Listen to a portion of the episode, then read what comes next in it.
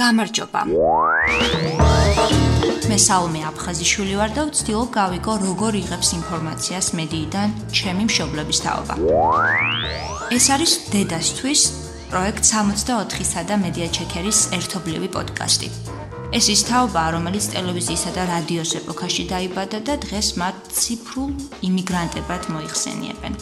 იმაზე მისანიშნებლად, რომ მათთვის ეს ციფრული სამყარო, ინტერნეტ სივრცე არასდროს ყოფილა ბუნებრივი საცხოვრებელი გარემო. პოდკასტის თითოეული ეპიზოდი გაგაცნობთ ერთ ციფრულ იმიგრანტს და მასთან ერთად კრიტიკულად გავაანალიზებთ მედიას, მედია ციგნიერების ხუთი მთავარი კითხვის მიხედვით.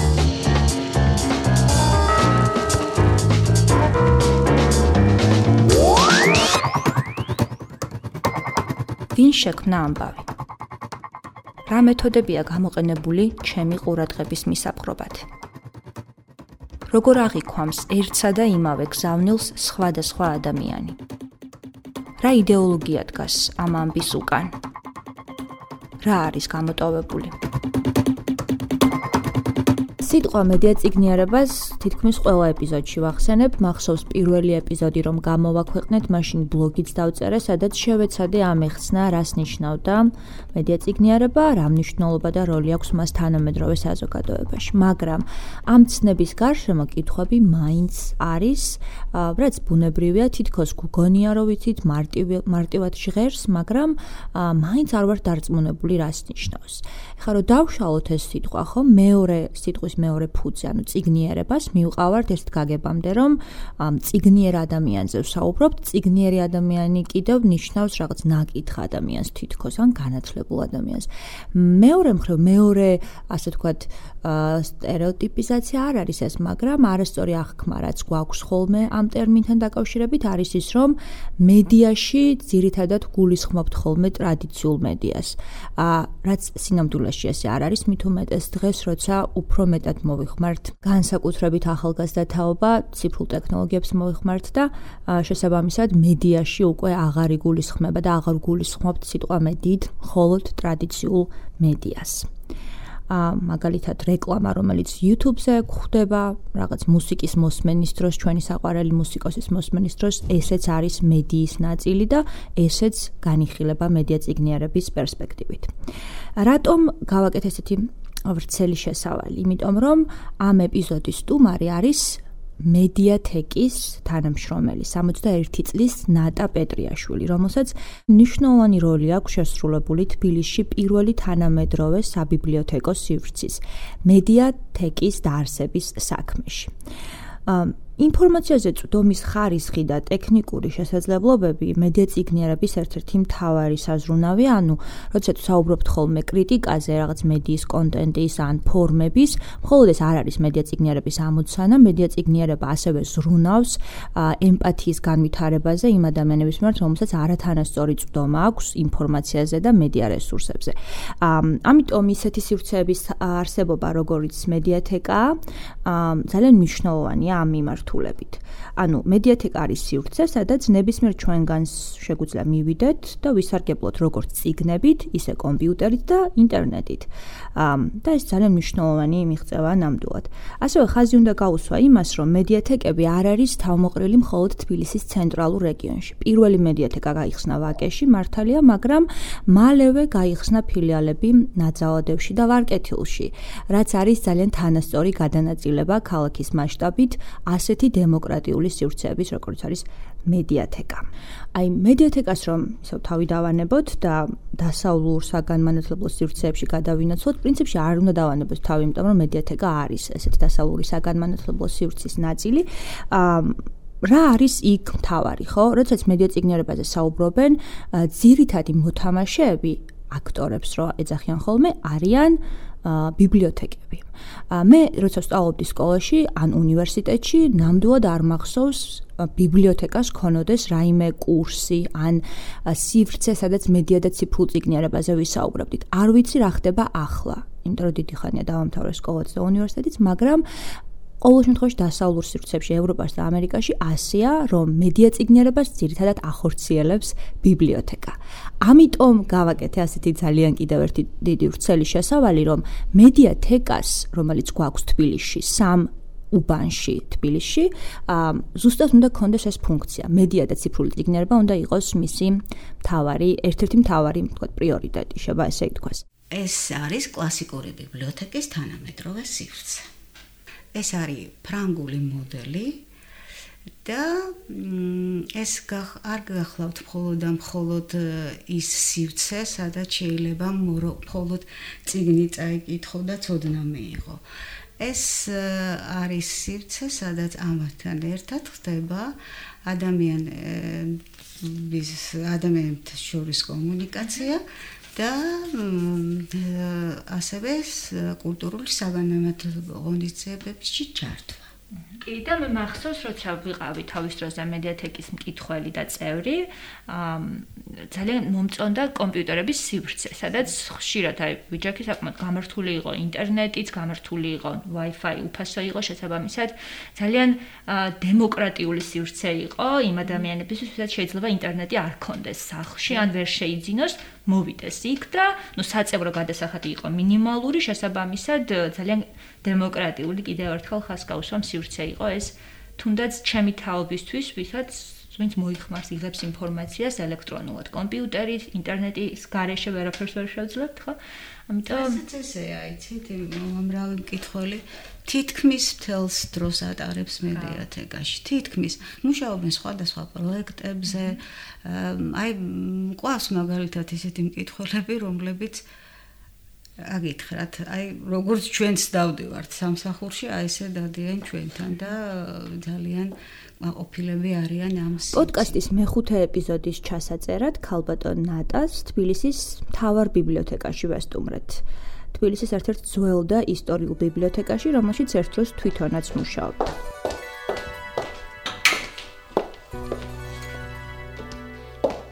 ტექნოლოგიების როლზე ვკითხე საბიბლიოთეკო საქმის მართვის მიმართულებით, რაც გაგრძელდა იმაზე საუბრით, ზოგადად როგორ იყენებს ინტერნეტს პირადი საჭიროებებისთვის. აა ბიბლიოთეკას ჭირდება აუცილებლად დაკომპლექტება კარგი ხარისხიანი ლიტერატურით, ხო? ბიბლიოთეკის ხარისხი განისაზღვრება მასში შემავალი წიგნადი ფონდით. ამიტომ ყოველთვის ვსარგებლობ Google-ით Google-ის შემდეგ შევდივარ თითოეული გამომცემლობის საიტზე, ვებგვერდზე და ვნახულობ სიახლეებს, რომელიც აუცილებელია იმისთვის, რომ ციგნადი ფონდი გავამდიდრო და ახალ-ახალი ლიტერატურით შევავსო. ხშირად არის მაგალითად ისეთი მწერალი, რომელიც შეიძლება არის ეს ბიბლიოთეკარმა ის მწერალი რომელი ქვეყნიდან არის. ციგნი კი არის ინგლისურენოვანი, მაგრამ ინგლისურენოვანი ციგნი შეიძლება ინგლისურიც იყოს და ამერიკული მწერალიც იყოს, ხო? ამისთვის ვიყენებ ვიკიპედიას. აუცილებლად შევა, ნახავიქ, მოიძიებ ყველაფერს ამ მწერლის შესახებ და ციგს ზუსტად თავისი მისამართით მოვათავსებ თაროს. მოდით აი ამ მიმართულებას გავუყვეთ ისევ და თვითონ თქვენ გაქვთ თქვენი პერსონალური კომპიუტერი ხო სამსახურში თავისთავად, რომელიც გეხმარებათ ამ ყოველთვის შესრულებაში, მაგრამ გაქვთ ასევე ტელეფონი, ხო? აი როგორ უთავსებთ? რამდენად ხშირად მოგიძებნიათ რაღაცა მაგალითად ტელეფონის ტელეფონით და არა პერსონალური კომპიუტერით? სამსახურში ამ მაზალის მოძიების თვალსაზრისით ტელეფონს არ ვიყენებ. ვიყენებ ჩემ პერსონალურ კომპიუტერს. და სოციალურ-პოლიტიკურ თემებზე ინფორმაციას საიდან იღებთ? ანუ ისე Google-ში წერთ? Google-ში, Google-ში ჩავ. კი, Google-ში ძირითადად ვსარგებლობ Google-ით. ახლა მე აა სხვა მებით სხვა სოციალური ქსელებით არა, ახლა ერის არა. Google-ი ხო, აი როგორ მუშაობს Google-ის პრინციპი არის ის, რომ გაძლევთ რამდენიმე ვარი, ვარიანტს არჩევანს, ხო? რომელი ინფორმაცია? აი ამ გადაწყვეტილებას როგორ იღებთ? რა წაიკითხოთ პირველი? მე რაც უფრო მეტად მაინტერესებს იქ ჩამონათვალში რომ ჩამოხდება რაც უფრო მეტად მაინტერესებს და რაც უფრო მეტად უპასუხებს ჩემს შეკითხვას იმის და მიხედვით იმას ვირჩევ. სოციალური ქსელებიდან ყველაზე აქტიურად Facebook-ს ვიყენებო, რაც არ გამკვირვებია, იმიტომ რომ დანარჩენი ყველა ეპიზოდის გმირიც ამას ამბობს, რომ Facebook-ი არის მათთვის მთავარი სოციალური მედია. არ აქვს მნიშვნელობა რა ასაკის არიან ისინი, Facebook-ს იყენებენ ყველაზე ხშირად. ამბობს, რომ ყველაზე მეტად მოსწონს Facebook-ის ის ფუნქცია, რომელიც საშუალებას აძლევს მეგობრებს, ნაცნობებს, ნათესავებს დაბადების დღეები მიულოცოს და უბრალოდ მოიკითხოს. პოლიტიკისგან შორს დგომას ვთილობო, ხაზი გაუსვა, თუმცა ამიტომ რომ იცი რა, აი იმდენი ცუდი რაღაც ძალიან მაინც გადავედი ხო პოლიტიკაში ხო? ნუ აი კალათისები ხარდამჭერი ვარ და არ შეაბონოს მასზე ცუდი ინფორმაციის დაკითხვა. როგორ განსაზღვრავთ რა წაიკითხოთ, როცა Facebook-ზე ინფორმაცია გხვდებათ, რის მიხედვით განსაზღვრავთ? მეტნაკლებად ახლა რო გითხრათ რომ ძალიან ის არის არა მე რა ვიცი აი ან ხო ხდები რომ არის ნამდვილი ინფორმაცია ხან და ხვდები რომ არ არის ნამდვილი ინფორმაცია. ხო, აი როგორ ის მიხედვით ხვდებით? რა კრიტერიუმები გაქვთ? რა კრიტერიუმები? აი რაღაცა საზომი თუ გაქვთ, რომ ის მიხედვითაც ამბობთ, რომ ოკეი, ეს არ არის სანდო, ამას არ წავიკითხავ. რა თქმა უნდა, ეს შინაარს რომ წავიკითხ, სათაურს და რაღაც წავიკითხო, ვთქვათ, რომ ეს შეიძლება იყოს ტყუილი ინფორმაცია. აჰა. და მედიციკლერების ექსპერიმენტისთვის გადავწყვიტეთ ამბავი მისივე Facebook-ის გვერდიდან შეგვერჩია. ანუ გაგვიანალიზებინა ის ინფორმაცია, რომელიც მან თავის პროფილზე ბოლოს გააზიარა. და მედიციკლერების ექსპერიმენტიც დაიწყო. პირდაპირ ხო თქვა მათმა იდეოლოგიებმა აი ამ ჩემი აზრით ამ ქვეყანაში ყველაზე ამორალურმა ადამიანმა. პირდაპირ ხო თქვა რომ თანამედროვე ჟურნალისტიკა ეს ფაქტები კი არ არის. ეს არის აღქმები და ინტერპრეტაციები. ანუ მე რომელი მხრიდანაც კიდე დაგანახებთ ამ რეალობას და სინამდვილეს არ გეტყვითო მოგატყუებთ ამით იმუშაობთ ეს ერთი მახასიათები რაც ჩანს. მეორე ჩანს აი უკიდეგანო განუ გაუნათლებელი მე არ მაქვს პრეტენზია სოკრატე ვარ და მიზოჩებზე განათლებული ასე თქვა სხვა არავინ არ არის ხო? მაგრამ რაღაცა საკითხზე რომ მუშაობ ვცდილობ რომ შევისწავლო ბოლომდე წარმოდგენა შევიქმნა ამ საგნის შესახებ ბოლომდე. თანამედროვე სამყაროში საკითხის შესწავლას წინ არაფერი არ უდგას. მოდით გავაჩეროთ ცოტა ხანს და დავიწყოთ გარჩევა ხო ამ ამბის. ა პირველი კითხვა როგორც თქვენ წაიკითხეთ ცოტა ხანს დავაპაუზოთ აი ესე. მე ჰა გაჩერდა. წავიკითხოთ პირველი კითხვა. ვინ შექმნა ამბავი ხო?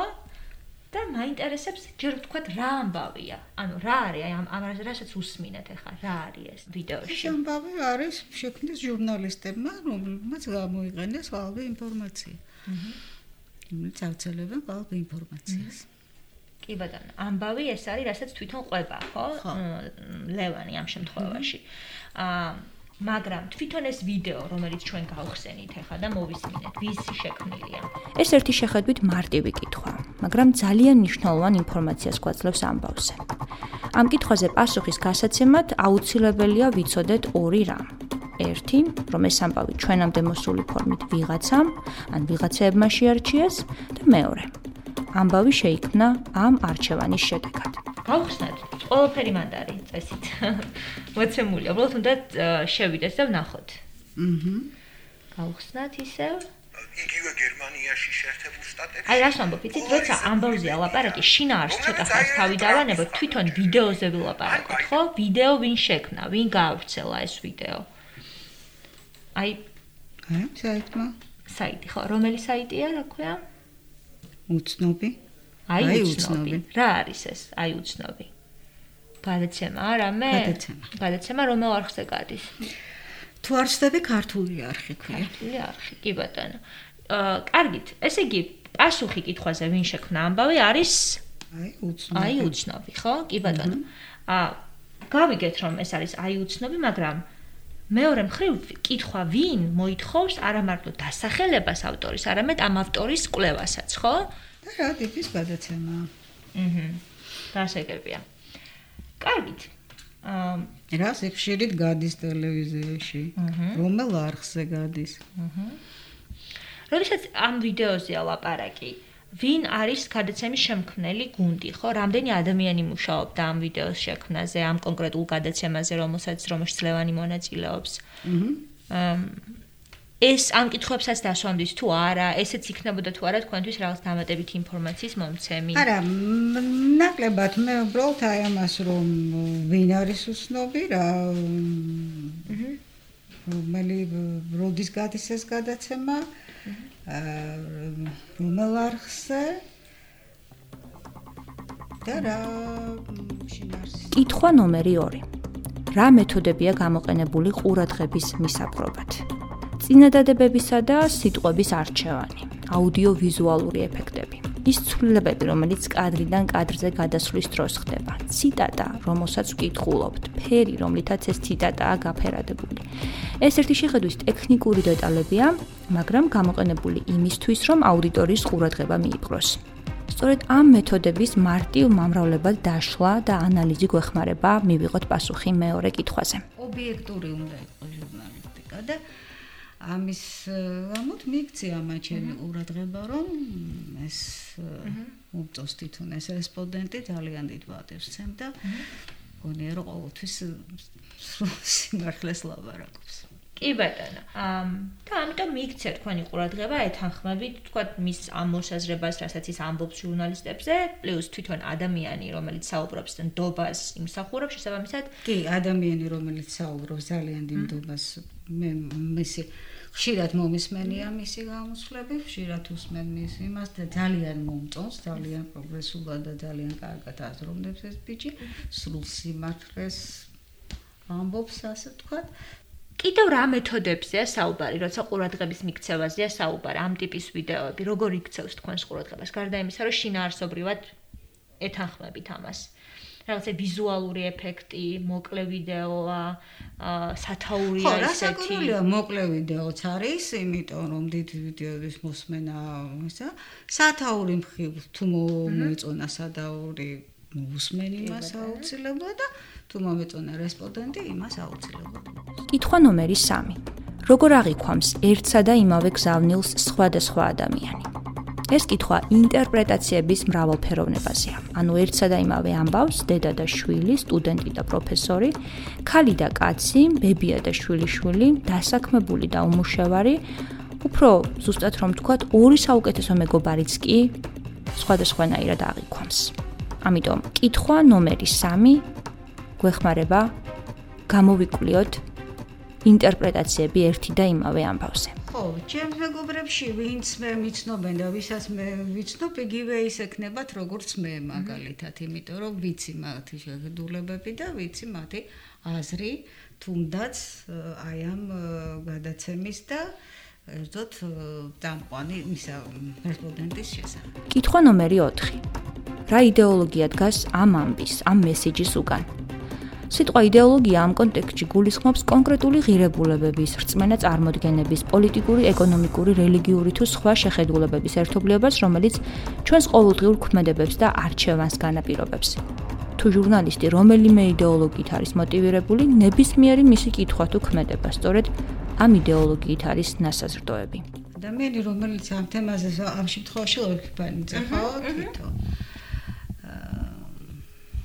მარკეტინგულად რო ვთქვათ ან ეკონომიკურად აი რის მოყიდვას ცდილობს ასე ვთქვათ ეს ინფორმაცია და ეს ვიდეო თქვენთვის. ფაქტები რომელიც ხდება არ უნდა დამახინჯდეს უნდა სწორედ იყოს აღქმული და წოდებული სწორ ინფორმაციას ღებულობდეს ნებისმიერი ადამიანი თუნდაც საინფორმაციო ეთერები კითხვა ნომერი 5 რა არის გამოტოვებული პასუხი ამ კითხვაზე გვეხმარება გავიგოთ ავტორის ამ მესიჯის თუ მედია პროდუქტის ავტორის მიერ გაკეთებულმა მიზან მიმართულმა არჩევანმა რამდენად რა ხარისხით დაარღვია ამბის სრულყოფილება? რა დაგვაკლდა იმისთვის რომ სრულად გავიგოთ ამბის არსი?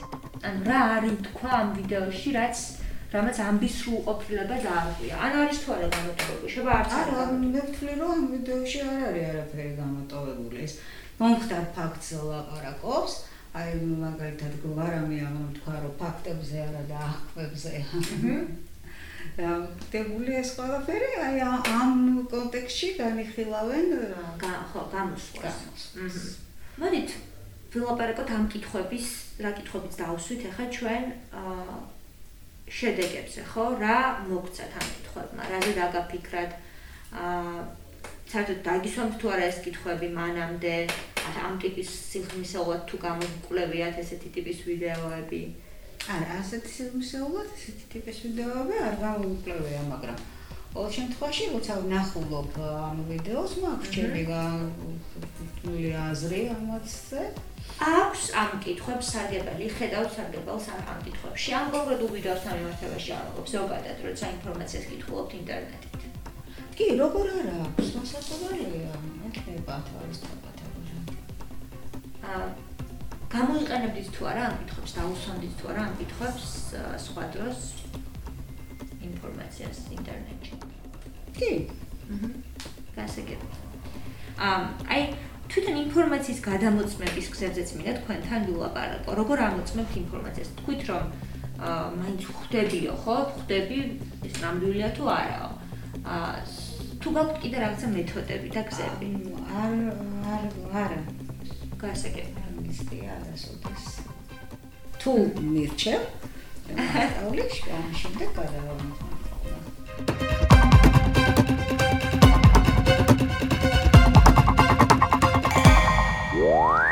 ეს იყო დედასთვის პროექტ 64-სა და მედია ჩეკერის ერთობლივი პოდკასტი, რომელსაც იპოვით პროექტ 64-ის ყველა პლატფორმაზე. მე სალომე აფხაზიშვილი ვარ.